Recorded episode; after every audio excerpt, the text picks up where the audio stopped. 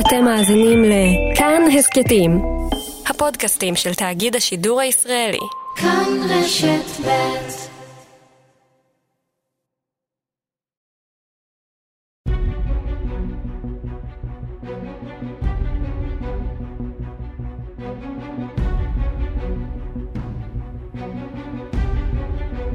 כנסת נכבדה, 70 שנה לכנסת. עורך ומגיש, איזי מן.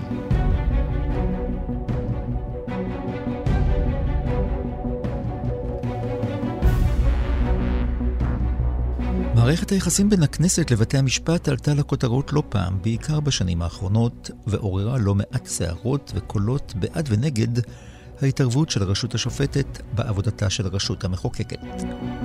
כנסת נכבדה, שבת שלום. בתוכנית הזאת, תוכנית מספר 31, נדבר על שתי הרשויות האלה, ונשמע על הייצוג של הכנסת בבתי המשפט. בין היתר נדבר על מה מדברים בדיונים אל מול שופטי בית המשפט העליון, ומה הסוגיות שעולות שם לדיון. בין לבין, כרגיל אצלנו, נכיר עוד אחד מעובדי הכנסת. נסייר בפינה במשכן, וגם נכיר עוד מושג מחיי הבית. כנסת נכבדה, האזנה נעימה.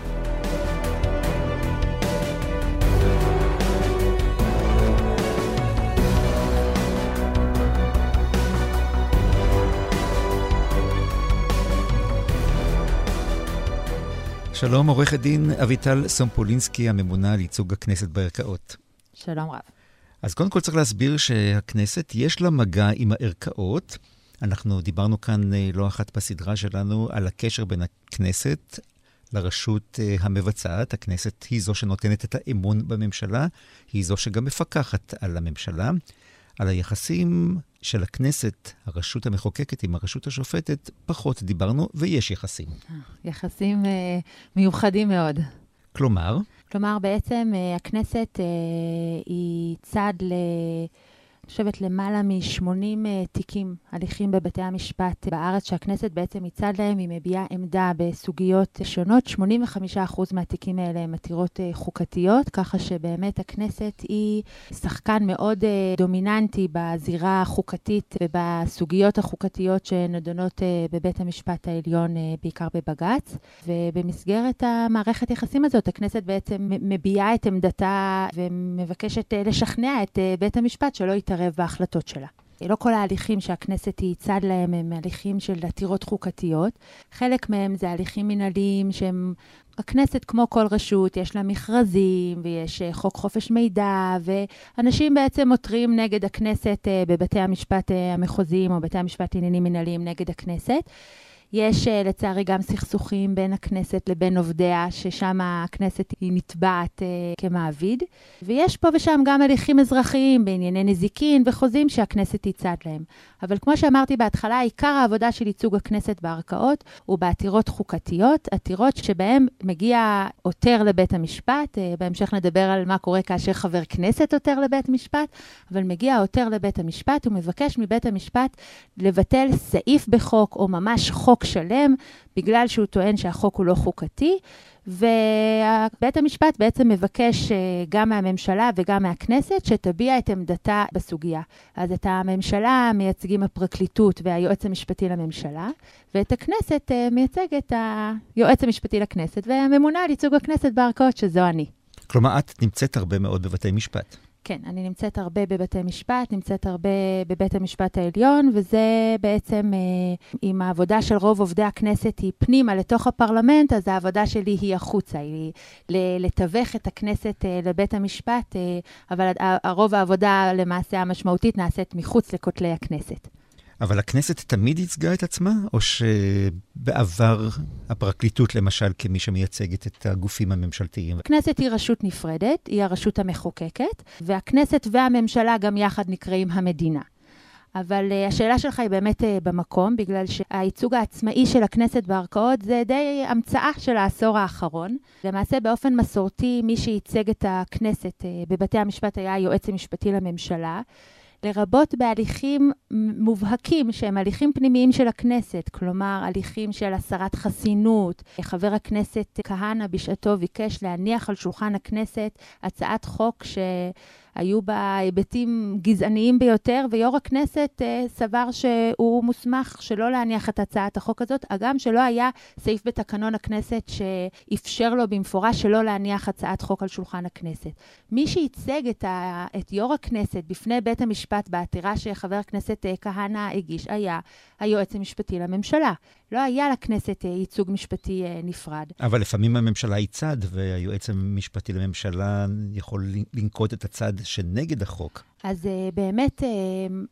התופעה הזאת היא גם של ריבוי העתירות וגם של uh, העלייה במעמדו של היועץ המשפטי לכנסת, וגם עם הזמן גם הלשכה המשפטית של הכנסת גדלה והתפתחה. יחד עם זה, באמת הביאו לשינוי מחשבה בנושא.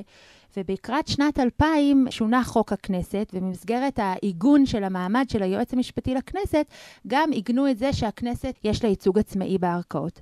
עדיין בשלב הזה הייצוג התאפיין בעיקר בייצוג של ההליכים הפנימיים של הכנסת. לדוגמה, הייתה עתירה נגד ההסרה של החסינות של חברת הכנסת אה, נעמי בלומנטל, ומי שייצג אה, הייתה היועצת המשפטית של הכנסת, עתירה נגד אה, חסינות, כל מיני עתירות שבאמת נגעו להחלטות של ועדת אתיקה, שם היה ברור שהיועץ המשפטי לכנסת מייצג. כשהגיעו לעתירות חוקתיות, המעמד הבכורה שניתן ליועץ המשפטי לממשלה נשמר. וגם אם היועץ המשפטי לכנסת היה מצורף כצד לעתירה, או הכנסת הייתה מצורפת, העמדה שלה לא הייתה עם בשר, היא לא הייתה משמעותית בס, כשחקן משמעותי בזירה. הדבר הזה למעשה נבע מפסק דין משנת 1997 בנושא מנהלי השקעות. פסק דין אה, ידוע בעולם המשפט כי הוא למעשה פסק הדין הראשון שבו בית המשפט העליון ביטל אה, חוק של הכנסת. מה שפחות ידוע על הפסק דין הזה, זה שבמסגרת פסק הדין הזה, הנשיא ברק מעיר שם כהערה שהכנסת לא צריכה להיות מיוצגת באופן עצמאי, כי העתירות הן לא נגד הכנסת, הן נגד החוק. ובאמת, זאת הייתה התפיסה, אבל אתם רואים שאפשר לראות שכבר בשנת 2000 הכנסת התחילה לכרסם בתפיסה הזאת. השינוי הכי משמעותי בחקיקה הגיע בשנת 2008. משנים שוב פעם את חוק הכנסת, והפעם הכנסת ברחל בתך הקטנה אומרת, כאשר יש עתירה חוקתית, בית המשפט יצרף את היועץ המשפטי לכנסת כצד לעתירה, והוא יגן על תוקפו של החוק. ולמעשה, מאותו שלב, הכנסת uh, מתחילה להיות יותר ויותר uh, מיוצגת ומקבלת יותר מקום כשחקן מרכזי בזירה. אני למעשה נכנסתי לתפקיד uh, לפני כשנתיים, אז אני ככה מהדור שלא ידע את יוסף. אז uh, היום המעמד של הכנסת בעתירות של החוקתיות הוא כל כך ברור, עד כדי כך שאם מישהו מגיש עתירה חוקתית והוא לא מצרף את הכנסת, בית המשפט אה, עלול לדחות לו את העתירה על הסף רק מהטעם הזה. אז אני לא מכירה כל כך את התקופה הקודמת, אבל באמת, בתחילת הדרך השופטים לא כל כך ידעו לעכל את המקום של הכנסת כצד uh, בעתירות החוקתיות. לקח זמן uh, לצדדים להתרגל אחד לשני, ובאמת שהכנסת תמצא את המקום שלה לצד היועץ המשפטי לממשלה, שכמובן המקום המרכזי שלו בעתירות החוקתיות הוא, הוא ברור ומובן. ואני שמחה שהתפקיד הוא לקחת את התפקיד קדימה, אבל המקום הברור והיציב שלו הוא כבר, אה, כבר לא מוטל בספק. אבל כדי להבין את כל התהליך, מאיפה בכלל יש סמכות לבית המשפט לבטל חוקים של הכנסת? כשלמדתי משפטים באוניברסיטה העברית, אני חושבת שהתשובה לזה הייתה מאוד מאוד ברורה ולא לא שנויה במחלוקת. חוק יסוד כבוד האדם וחירותו וחוק יסוד חופש העיסוק, שנחקקו בתחילת שנות ה-90, למעשה קובעים, הכנסת לא יכולה לחוקק חוק שפוגע בזכויות האדם שמעוגנות בחוקי היסוד. עכשיו, מתוך הבנה שזכויות אדם הן לא דבר מוחלט, שתמיד יש התנגשויות בין זכויות, שתמיד יש התנגשויות בין אינטרסים, ויש מקומות שבהם מוצדק בכל זאת לחוקק הסדר שיש בו פגיעה בזכויות אדם, קובעים חוקי היסוד מתי בכל זאת אפשר לפגוע בזכות חוקתית. והתנאים האלה קרויים פסקת ההגבלה. פסקת ההגבלה זה למעשה המונח המשפטי שהסעיף של החוק אה, מגדיר מהם התנאים שאפשר לפגוע בחוק. קודם כל, הפגיעה צריכה להיות בחוק, או שהחוק מסמיך את הפגיעה הזאת, נגיד, בתקנות, אבל המחוקק צריך להגיד, אני מסמיך אותך, הרשות המבצעת, לפגוע בזכויות האדם במקרה ספציפי. היא צריכה להיות לתכלית ראויה והולמת את ערכי המדינה כמדינה יהודית ודמוקרטית, והיא צריכה להיות מידתית.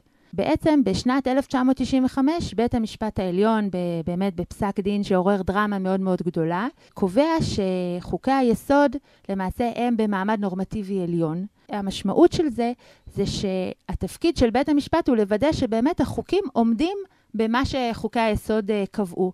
ושתפקיד של בית המשפט הוא לבדוק שחוק שבאמת, ש, שנמצא שהוא פוגע בזכויות אדם, עומד בתנאים של פסקת ההגבלה. אבל זה לא תפקיד של הכנסת כשהיא מחוקקת חוק חדש. יש יועצים משפטיים לכל הוועדות, בודקים ודאי את התקינות. איך זה קורה שיוצא חוק מהכנסת, שמישהו אחר כך צריך להגיש עתירה נגדו, שהוא טוען שהוא פוגע בסעיף של חוק אחר?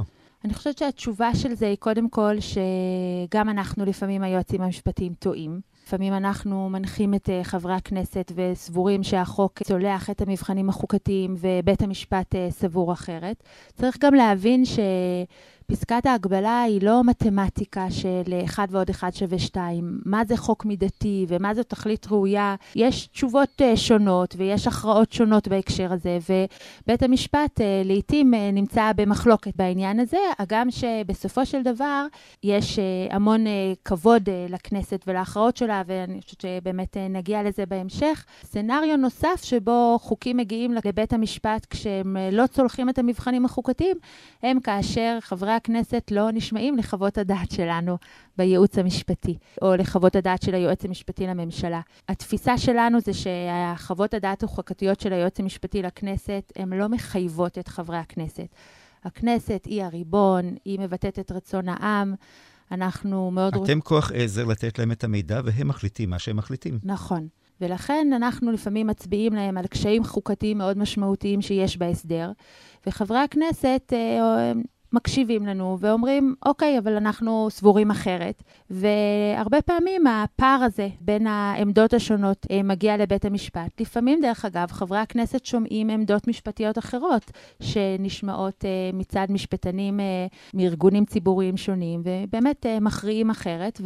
ובדרך כלל החוקים האלה, שאנחנו כבר במהלך הליך החקיקה מצביעים על הקשיים החוקתיים, בדרך כלל הם, הם החוקים שיגיעו הרבה פעמים לבית המשפט. נוגעת אה, לדיונים החוקתיים המשמעותיים. ויכול להיות אבל מצב שאת תגיעי לבית משפט, למשל לבג"ץ, ותגידי, סליחה, אתם, אה, אין לכם שום אה, זכות לדון בעתירה הזאת? אז אם נחזור רגע לפסק הדין של בנק המזרחי של כבוד הנשיא ברק, למעשה בית המשפט שמה קבע שיש לו סמכות לדון uh, בעתירות חוקתיות ולבטל חוק.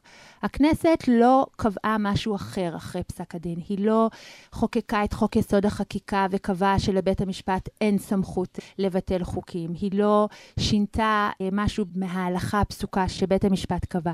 במובן הזה, אנחנו המשפטנים, יש לנו את ההלכה הפסוקה ואת החקיקה. אין לנו דרך אחרת לבוא ולהגיד, בגלל שהיום נשמעים קולות שאומרים שלבית המשפט אין סמכות, אז בעצם אנחנו נטען בפני בית המשפט שאין סמכות. זה לא עובד ככה. ל- ליועץ משפטי יש חוק, יש את הפסיקה שמפרשת את החוק, וככה אנחנו פועלים. לכן אנחנו לא מערערים בכלל על הסמכות של בית המשפט אה, לבטל חוקים, ועד שהכנסת לא תגיד את דברה בצורה מפורשת בחוק יסוד החקיקה, שאמור באמת להסדיר בצורה ברורה יותר את מערכת היחסים שבין בית המשפט לכנסת, זה בעצם המצב המשפטי שאנחנו עובדים איתו.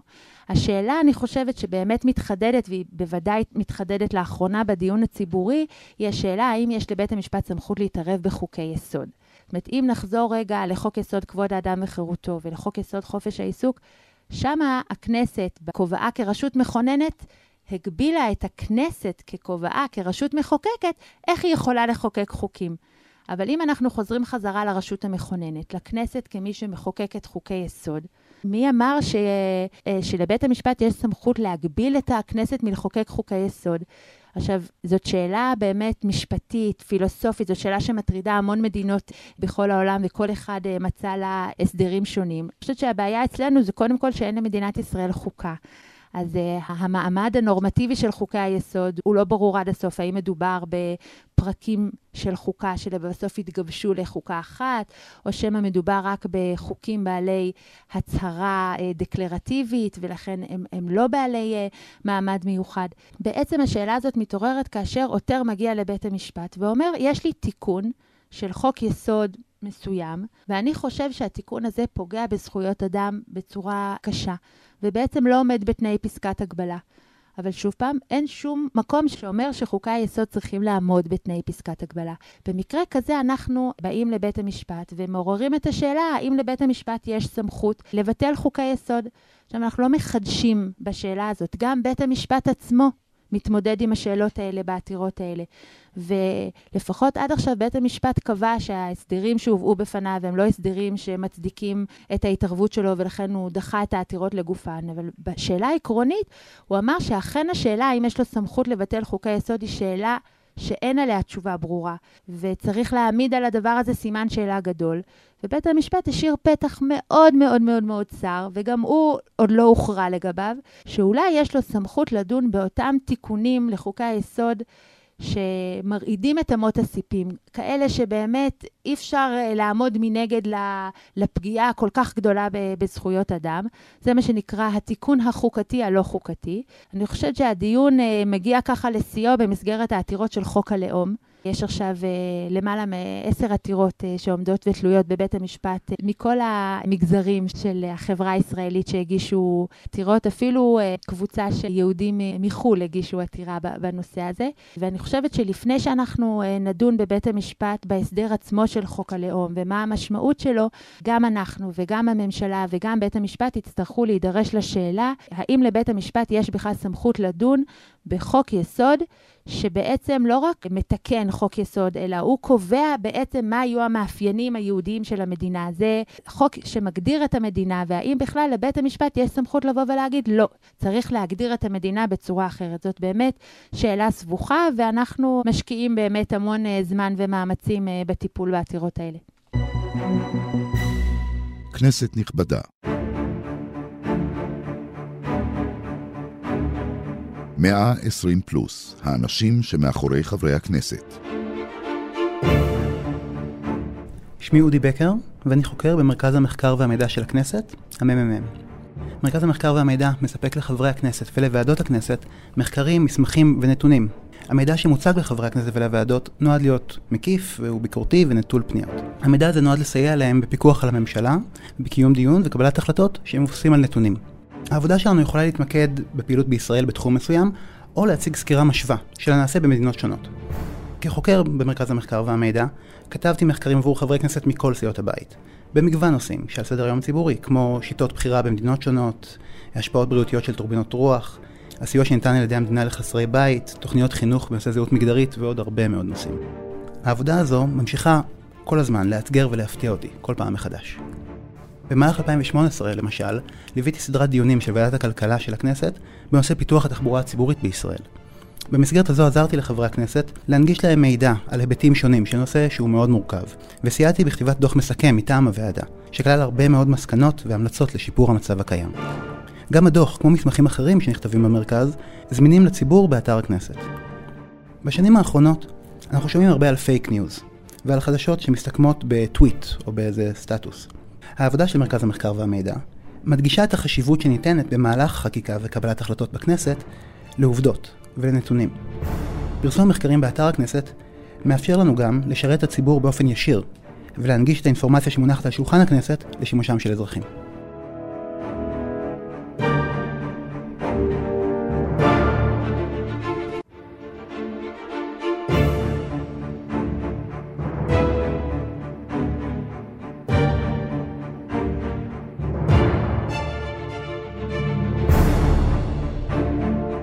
חוזרים אלייך עורכת הדין אביטל סומפולינסקי, הממונה על ייצוג הכנסת בערכאות. כשאת בבית משפט, את מי את מייצגת בכנסת?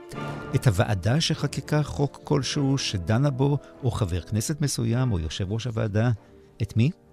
אני מייצגת את הכנסת. אני לא מייצגת בהכרח ועדה מסוימת, אני לא מייצגת יו"ר ועדה, אני לא מייצגת את יוזם החוק, במובן זה אני גם לא מייצגת את יו"ר הכנסת, אני מייצגת את הכנסת. באופן פשוט יותר, אפשר להגיד שאני מייצגת את עמדת הרוב בכנסת, או את הכנסת כמוסד. אין לי לקוח במובן הפשוט של המילה, כמו שיש אה, לפרקליט שמייצג, הוא מייצג שר, הוא מייצג משרד ממשלתי, יש לו לקוח... הכנסת אני... היא מרשתך.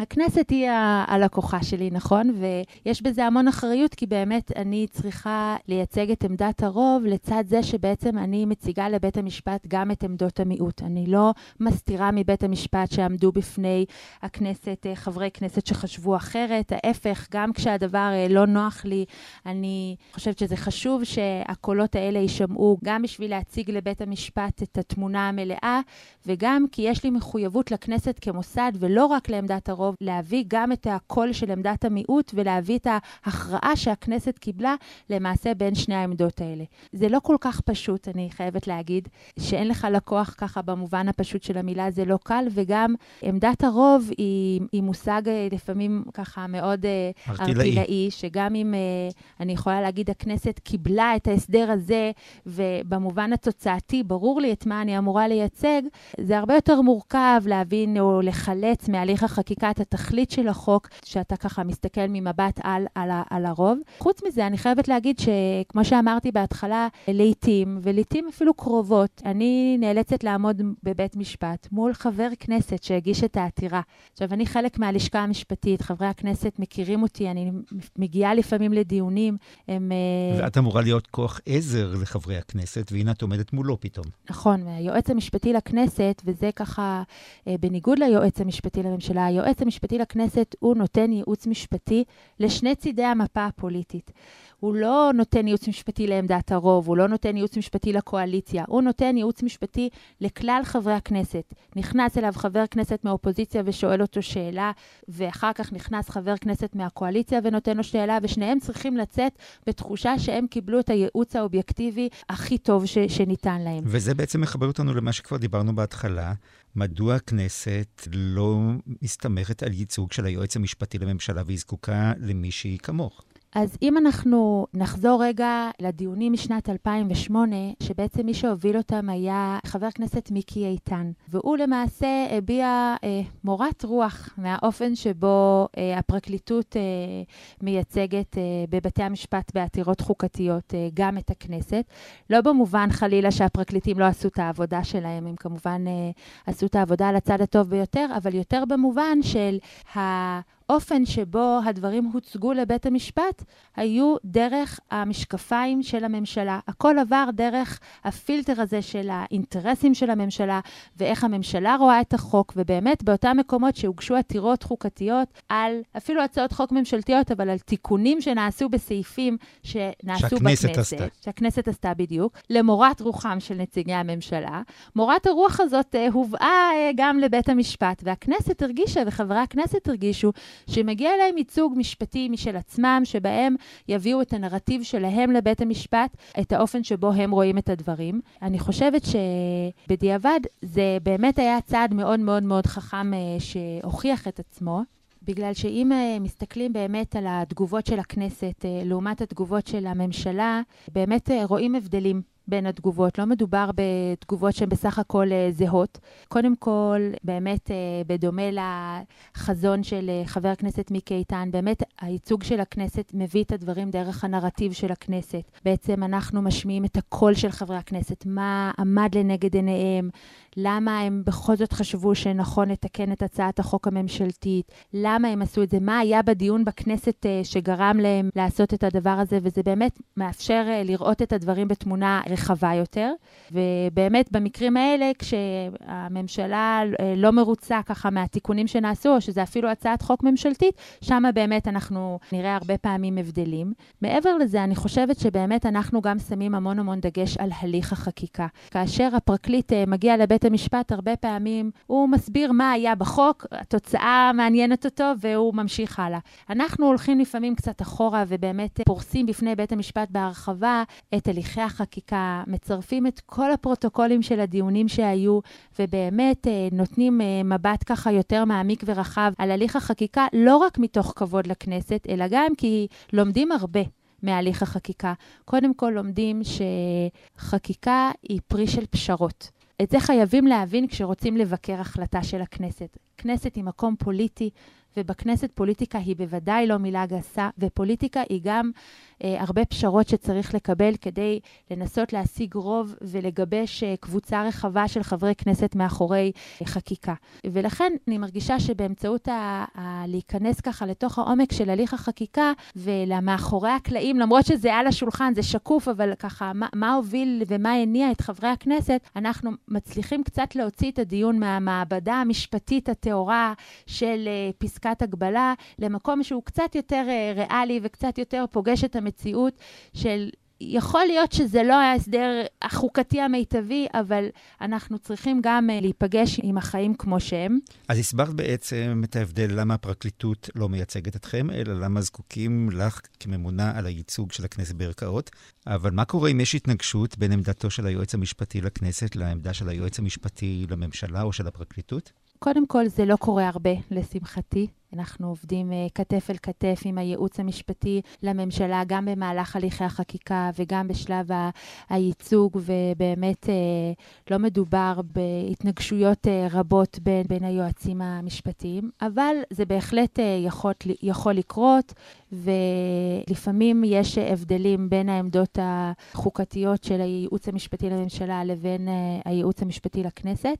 אני חושבת שההתנגשות הכי גדולה שהייתה, שלפחות אני מכירה, הייתה בנושא מיסוי דירה שלישית. למעשה מדובר בפרק בחוק של חקיקת חוק ההסדרים, שביקש באמת להטיל מיסוי על מי שמחזיק דירה שלישית, וזה מדובר בפרק באמת מאוד מאוד מסובך, ולא משהו ככה שאפשר להבין על הדרך, שנעשו בו אחרי הקריאה הראשונה גם תיקונים שונים, ובאמת הממשלה מביאה אותו לכנסת ממש ממש ברגע האחרון, רגע לפני שחייבים לחוקק את חוק התקציבים, ומתנהל דיון מאוד מאוד uh, מהיר, גם היועצת המשפטית של ועדת הכספים וגם uh, כל מי שככה קרא את הפרוטוקול וצפה בשידור, היה יכול להתרשם שבאמת... Uh, מאוד היה קשה להבין אם חברי הכנסת באמת יכלו להבין על מה הם מצביעים, זה מה שנקרא עיקרון ההשתתפות. בפסיקה של בית המשפט, כאשר בית המשפט קובע מה זה הליך חקיקה תקין, בית המשפט אומר, אני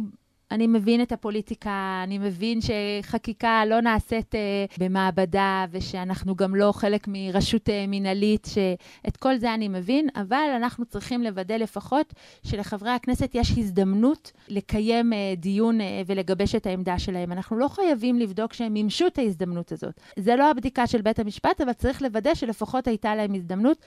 מה שנקרא להבין על מה הם מצביעים. וזו פעם ראשונה שבאמת היועץ המשפטי לכנסת ככה אמר, אני לא מסכים, אני, זאת אומרת, אני חושב שהמקרה הזה הוא מקרה שבו עקרון ההשתתפות לא התקיים ונפל פגם, שאנחנו קוראים לו פגם היורד לשורשו של ההליך. חברי הכנסת בעצם בכל זאת העלו את החוק לקריאה שנייה ושלישית, זה הגיע לבג"ץ, ובבג"ץ היועץ המשפטי לכנסת למעשה המשיך עם העמדה שלו שהיה פה פגם מאוד מאוד משמעותי בהליך החקיקה. היועץ המשפטי לממשלה מנגד אמר, תקשיבו, זה באמת לא הליך חקיקה שמדינת ישראל צריכה להתפאר בו ונפלו בו באמת הרבה תקלות, אבל זה לא פגם שצריך להביא לביטול החוק, ובאמת ככה זאת הייתה התנגשות מאוד משמעותית בעמדות, ובית המשפט באמת בסופו של דבר ביטל את הקריאה השנייה והשלישית. חשוב לי רק להדגיש שזה בעצם סוג של תקיפה שבה בית המשפט לא מתערב בתוכן של החוק, אלא הוא מתערב באיך מחוקקים אותו, ולכן למעשה את החוק הזה היה אפשר לחוקק מחדש בכנסת. הוא חזר למעשה לוועדת הכספים, והכנסת הייתה מוסמכת ורשאית כמובן לקיים דיון כמו שצריך ולהמשיך את החקיקה. זה לא נעשה, כי אנחנו גם באמת רואים בדיעבד שחוקים מתקבלים בהליכים תקינים.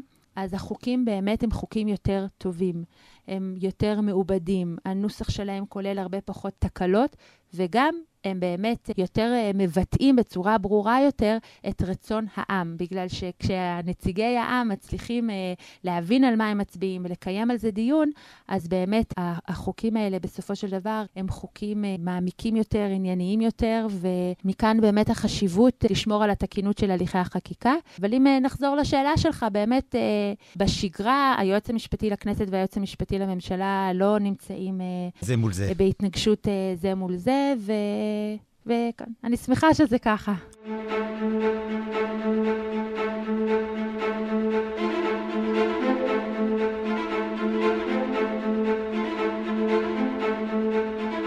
עד שנת 2000 לא היה תפקיד ראש האופוזיציה תפקיד רשמי. בשנת 2000 קיבלה הכנסת תיקון לחוק הכנסת, התשנ"ד 1994, אשר בו נוסף לחוק פרק ו' המעגן את מעמדו של ראש האופוזיציה ומחזק בכך את מעמדה בכנסת. החוק קובע כי ראש האופוזיציה, ובעברית נגדה, הוא חבר הכנסת מהסיעה הגדולה ביותר בסיעות האופוזיציה, שעליו הודיעה אותה סיעה, אלא אם כן הודיעו רוב חברי סיעות האופוזיציה כי חבר כנסת אחר יכהן בתפקיד. החוק קובע עוד כי על ראש הממשלה להזמין את ראש האופוזיציה ולמסור לו מידע עדכני בענייני המדינה, לפי הצורך ולא פחות מאשר פעם בחודש. עוד נקבע בחוק כי ראש האופוזיציה רשאי לנאום במליאת הכנסת מיד אחרי ראש הממשלה, וכי בטקסים ממלכתיים שבהם משתתף ראש הממשלה מייחדים מקום גם לראש האופוזיציה. מושג מחיי הכנסת תמר פוקס, מנהלת מרכז המבקרים.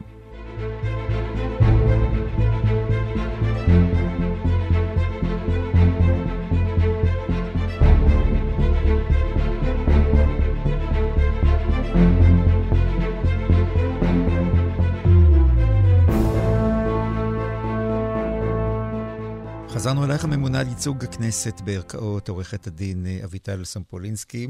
תגידי, מה קורה כשאת נקראת לבית משפט להגן על חוק שאת אישית לא כל כך מסכימה איתו, לא כל כך אה, אוהבת אותו? אני חושבת שהשאלה הזאת אה, מתחלקת אה, לשני, אה, לשני חלקים. קודם כל, מה קורה כאשר הכנסת מחוקקת חוק שהייעוץ המשפטי לכנסת במהלך הליך החקיקה בעצם חשב שהחוק מעורר קשיים חוקתיים. ואז זה לא רק אביטל עומדת מול חוסר שביעות רצונה אל החוק, אלא למעשה... וזה לא רק עניין של אוהבת או לא אוהבת. נכון, זה, זה מוסד, הייעוץ המשפטי לכנסת באמת חשב שהחקיקה עצמה מעוררת קשיים חוקתיים. אז פה צריך קצת להבין את הפער בין התפקיד של יועץ משפטי לוועדה שהוא מלווה את הליך החקיקה, לבין ייצוג הכנסת בערכאות. ויש שם פער שצריך לחיות איתו. ליועץ משפטי בוועדה, התפקיד שלו הוא לא רק להגיד לחברי הכנסת האם ההסדר שהם מבקשים לחוקק עומד במבחני החוקתיות. הוא תפקידו קודם כל לוודא שההסדר מביא לידי ביטוי את מה שחברי הכנסת אה, רוצים אה, לחוקק, שזה חקיקה זו מלאכה מאוד מאוד מאוד לא פשוטה, ומי שינסה לקרוא ככה את פקודת מס הכנסה ולנסות אה, להבין את סעיפיה בלי להבין איך קוראים חוק, אי אפשר. זה ממש שפה. זה ממש שפה שצריך ללמוד אותה, ולכן אנחנו נותנים את הפן המקצועי אבל אם באמת, כמו שאת מתארת, תוך כדי תהליך החקיקה אתם מרגישים שנעשה כאן משהו לא חוקתי, כלומר זה כבר באמת לא עניין של דעה אישית, אלא עניין אה, שמישהו אה, לא מקבל את דעתך המקצועית.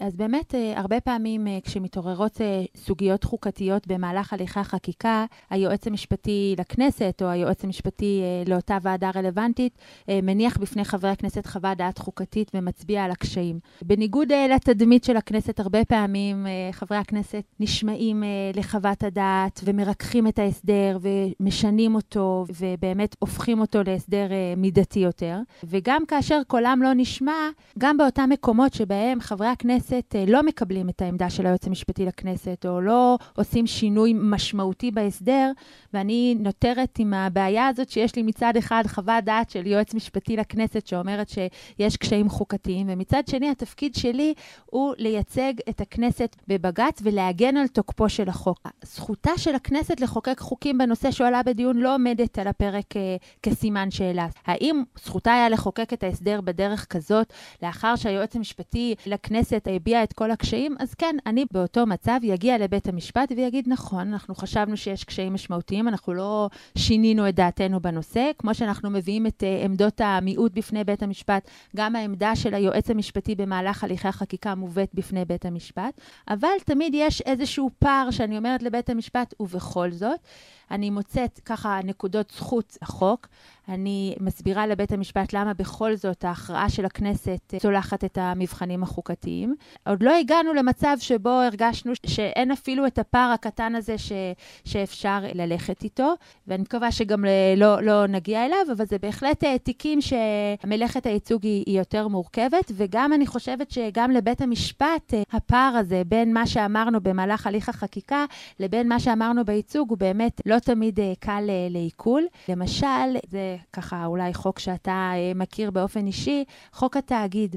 באה הכנסת וחוקקה חוק וביטלה את רשות השידור והקימה את התאגיד, ובאמת אה, כעבור זמן אה, החליטו חברי הכנסת שהם מבקשים לשנות את המבנה של התאגיד ולפצל את, את ענייני החדשות וענייני היום לתאגיד אחד, וכל ענייני התרבות והספורט לתאגיד אחר.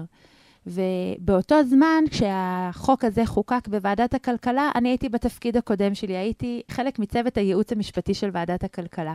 ואתה רק יכול לנחש מה הייתה עמדתנו ביחס לחוק, ובאמת הבענו בפני חברי הכנסת את הקושי בחוק, ושאנחנו לא מבינים את התכלית שלו, ואת הקשיים שהוא מעורר, ואת חוסר היעילות שבו, ובאמת הבענו באמת את כל ההסתייגויות שחשבנו שנכון להביא בפני חברי הכנסת, וחברי הכנסת בסופו של דבר קיבלו את אה, חוק חוקקו את מה שהם uh, חוקקו.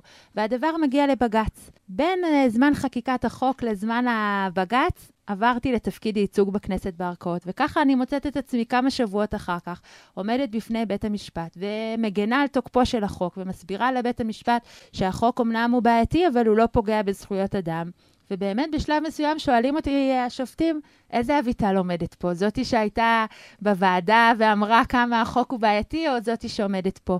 ואני חושבת שפה באמת המקום שלנו לחדד שהמבחן החוקתי הוא באמת לא המבחן האם החוק הוא טוב, האם החוק הוא יעיל, האם החוק אה, הוא חכם. המבחן הוא האם החוק הוא חוקתי, האם הוא פוגע בזכויות אדם, ואם הוא פוגע בזכויות אדם, האם הוא עומד בתנאי פסקת הגבלה. ומכאן אני עוברת לשאלה ששאלת אותי מקודם, מה, מה קורה כשאני לא אוהבת אה, חוק שאני צריכה להגן עליו? כי קשה להגן על משהו שאת אולי לא מאמינה בו. נכון, זה, זה קשה. אני חושבת שבאופן כללי, יועץ משפטי ובוודאי פרקליט, אנחנו אנשים מאוד דעתניים, עורכי הדין, ויש לנו הרבה עמדות ותפיסות עולם, אבל כשאנחנו מגיעים לעבודה, אנחנו מורידים את הכובע הפרטי שלנו, ואנחנו לובשים את הכובע המוסדי ונעמדים בשליחות הזאת. אז זה קודם כל, זה מורכב, זה קשה, זה מאתגר, זה, זה, זה לא פשוט ככה לשים את העמדות שלך בצד, אבל זה, זה אתגר מאוד גדול אה, בכלל לכל יועץ משפטי בכנסת. המקום הזה הוא המקום הכי פוליטי בעולם, ואתה צריך להיות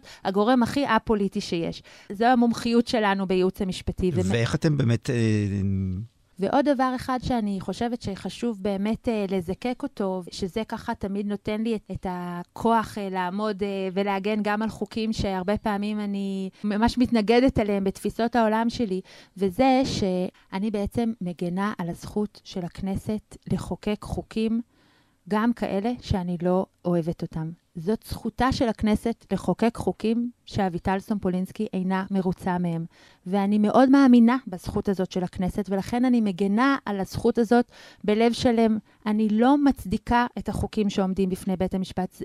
זה לא התפקיד שלי, וזה גם לא התפקיד של בית המשפט לבדוק האם החוקים האלה הם החוקים צודקים והכי נכונים. אני חושבת שהנשיא ברק, שנתפס כאבי המהפכה החוקתית, לצד ההסמכה או לצד ההלכה שאומרת שבית המשפט מוסמך לבטל חוקים, הוא מדגיש שוב ושוב שאין זה מתפקידו של בית המשפט לבדוק את תבונתו של החוק, האם חוק הוא טוב, האם החוק הוא יעיל, ולכן אני מגיעה לבית המשפט ואני אומרת, נכון, אולי זה לא החוק הכי טוב בעולם, אולי הוא לא הכי יפה בעולם, אולי הוא לא הכי חכם בעולם, אבל זאת זכותה של הכנסת לחוקק את החוק הזה. והשאלה היחידה שאנחנו צריכים לבדוק במבחן החוקתי, זה האם החוק הוא חוקתי. ואם אנחנו מגיעים למסקנה שהחוק הוא חוקתי, שם נגמרת הבחינה. את המחשבות שלי, האם אני אוהבת את החוקים או לא, אני מבטאת ביום הבוחר, כאשר אני בוחרת את המפלגה שאני הכי מסכימה עם אה, עמדותיה. בתפקיד הייצוג המשפטי של הכנסת, אני שמה את הדברים האלה במגירה, וזה, וזה ההתמודדות והאתגר של הייצוג בכנסת.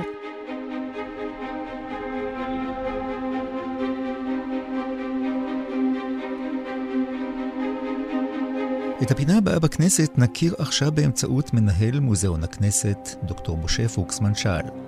סיור בפינה לא מוכרת ולא חשופה בדרך כלל הקלטנו כאשר הכנסת פתחה את האולמות והמסדרונות שלה במסגרת הפרויקט בתים מבפנים. זה חדרי המלחמה של הכנסת, זה מקום שהוא לא בסיור הרגיל. בחמישי ביוני פורצת מלחמת ששת הימים, אשכול אה, ראש הממשלה מחליט לכנס את הכנסת לקבל דיווח על מה שקורה, על זה שישראל סוף סוף מסיימת את ההמתנה, יוצאת למלחמה להכריע את הגורל העם והמדינה.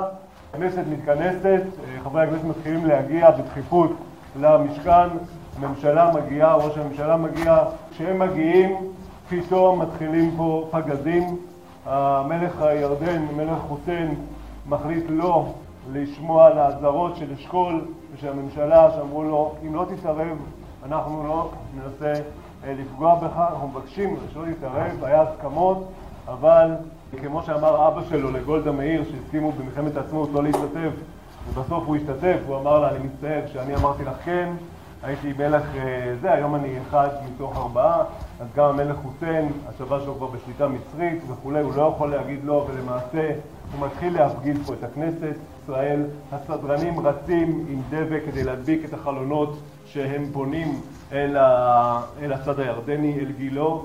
הממשלה עצמה, שהחדר שלה למעלה, גם אז היה למעלה, מובהלת מיד לכאן, לבונקר של הממשלה. פה יושבת הממשלה, יש לנו פה את הכיסאות המשוחזרים. אשכול מקבל הודעה מרחבעם זאבי, שהוא היה אז נציג המטכ"ל, הגנדי, שהוא מקבל את הפתק, פתק הוא רואה, יש כבר 15 הרוגים בירושלים, הדסה מקבלת כבר למעלה מ-100 פצועים, הפגזים נופלים בכל מקום, ופה למעשה אשכול אומר לממשלה, אין ברירה. הוא בטוח אמר את זה ביידיש, הוא אמר את זה קיילה בריירה, ויאללה, הממשלה יושבת והם מקבלים פה את ההחלטה ההיסטורית לבוא ולתת את ההוראה לצה"ל, לבוא ולהיכנס ולשחרר את ירושלים.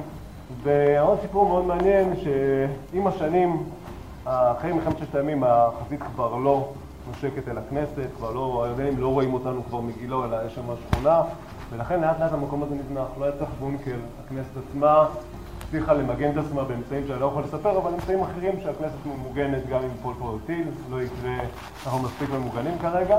והמקום הזה נזנח ונשכח, ולאט לאט אמרו, טוב, חסר מקום בכנסת, תמיד חסר מקום בכנסת, חדרים, הוא הפך להיות מחסן. ופה אה, מה שקרה, כל מיני שטיחים ישנים וכיסאות ישנים וזה, וכבר שכחו בכלל שהיה חדר כזה שהתקבלה החלטה. עד שיחיל קדישי, העוזר של בגין, אמר שבגין אמר לפני מותו, אמר לו שיום אחד צריך לשים שלט איפה שהמקום שבו ממשלת ישראל קיבלה את ההחלטה לשחרר את ירושלים והוא הגיע לכאן לפני כמה שנים, ממש לפני שהוא נפטר, והלך חדר חדר, וחשב, רגע, ירדנו מפה והלכנו לכאן ושם, עד שבאמת פתחו את החדר הזה, שהיה חדר מחסנים, עוד יש רק את הקטע הזה, שזה כנראה המילוט של הממשלה איפשהו למעלה, בתור הבונקר שלהם, ולמעשה ניקו את החדר, הוציאו מפה את כל החומרי ניקוי, את כל הדברים האחרונים, ושמו את השלט שכשנכנסתם, אני חושב שכולכם ראיתם. החדר בכנסת שבו התכנסה ממשלת ישראל, ובו החליטה לאשר לצה"ל לשחרר את העיר העתיקה בירושלים, חמישה ביוני 1967, כוך מוגן בקומה הראשונה. הפרויקט נחשף לקהל במסגרת בתים מבפנים, אוקטובר 2019.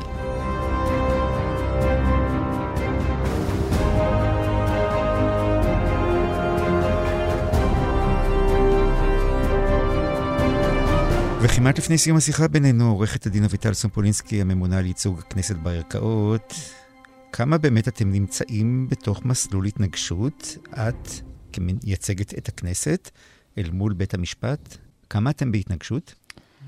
אם הייתי צריכה לשפוט את הדברים אה, על פי אה, מה שאני אה, רואה בתקשורת, הייתי אומרת שהמסלול ההתנגשות כבר בעיצומה.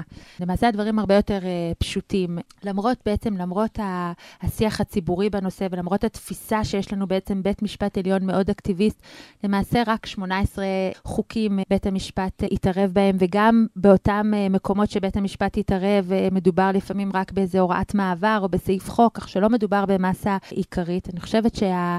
ההשפעה העיקרית אה, של אה, בית המשפט היא לא בהכרח בהכרעות שלו לבטל חוק, אלא בעובדה שחברי הכנסת יודעים שהחוקים שלהם יכולים להגיע לבג"ץ ויעברו את אה, שבט הביקורת של בית המשפט העליון, ולמעשה, אם אני צריכה להביא את עבר חברי הכנסת אל בית המשפט, הייעוץ המשפטי לכנסת שמלווה את הליכי הוועדות מביא את דבר בית המשפט לחברי הכנסת. וכשמסתכלים על הליכי החקיקה, רואים לא מעט את ההשפעה שיש לפסיקות אה, של בית המשפט ולשיח שמתנהל בכנסת, באמת בשביל לוודא שהחוקים האלה יהיו חוקים אה, שיצליחו את המבחנים החוקתיים ובג"ץ לא יתערב בהם. והדיונים האלה הם דיונים, גם אם הם מאוד מאוד סוערים, הם אה, דיונים שבאמת אה, מזקקים את הניתוח החוקתי כבר במהלך הליך החקיקה, ואני חושבת שבהרבה מאוד מקרים, בגלל הדיונים האלה, בית המשפט אה, לא נדרש לבטל את החוקים כשהחוקים מגיעים אליו, כי באמת הם עברו תמורות במהלך הליך החקיקה. דוגמה באמת לדיונים ש, שהכנסת מקיימת בפסיקת בית המשפט, אני חושבת שאחד מהדוגמאות המובהקות של זה, זה בנושא המסתננים. בית המשפט ביטל שני הסדרים ש... שהכנסת אה, חוקקה בנושא המסתננים, שהכנסת נדרשת לזה בפעם השלישית. באמת מתנהל דיון מאוד מאוד נוקב בין חברי הכנסת, האם ההסדר הזה הוא הסדר שיצלח את המבחנים החוקתיים.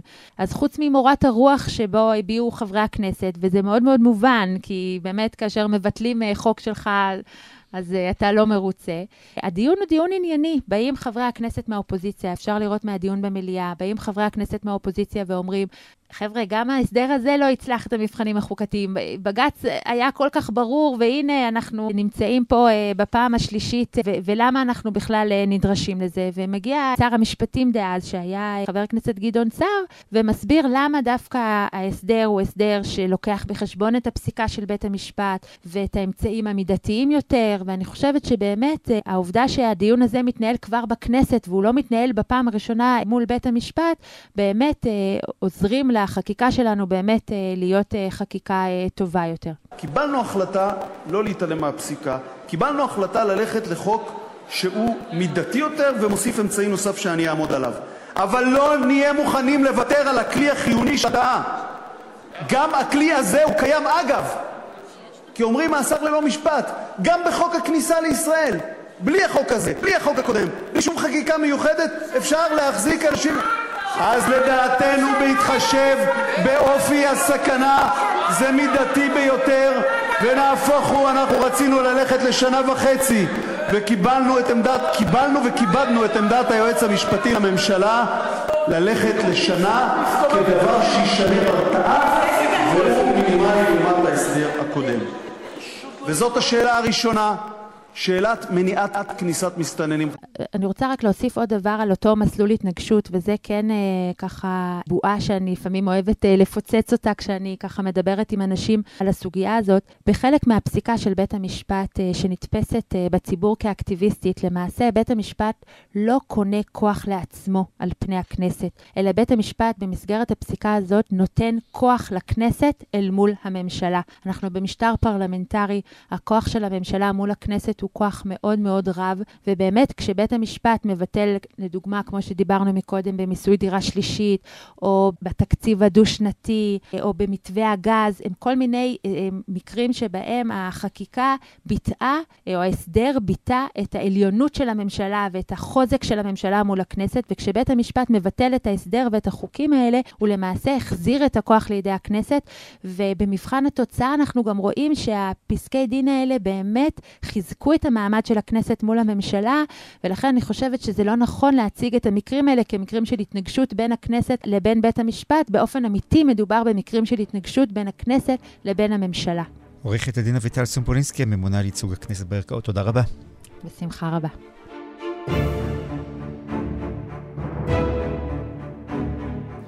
כנסת נכבדה, סיימנו. אנחנו נהיה כאן עם תוכנית חדשה בשבוע הבא, חמישי בתשע בערב, שבת בארבעה אחרי הצהריים. כאן רחלי לוי בתחקיר ובהפקה, ואני זימן עורך ומגיש. שלום. thank you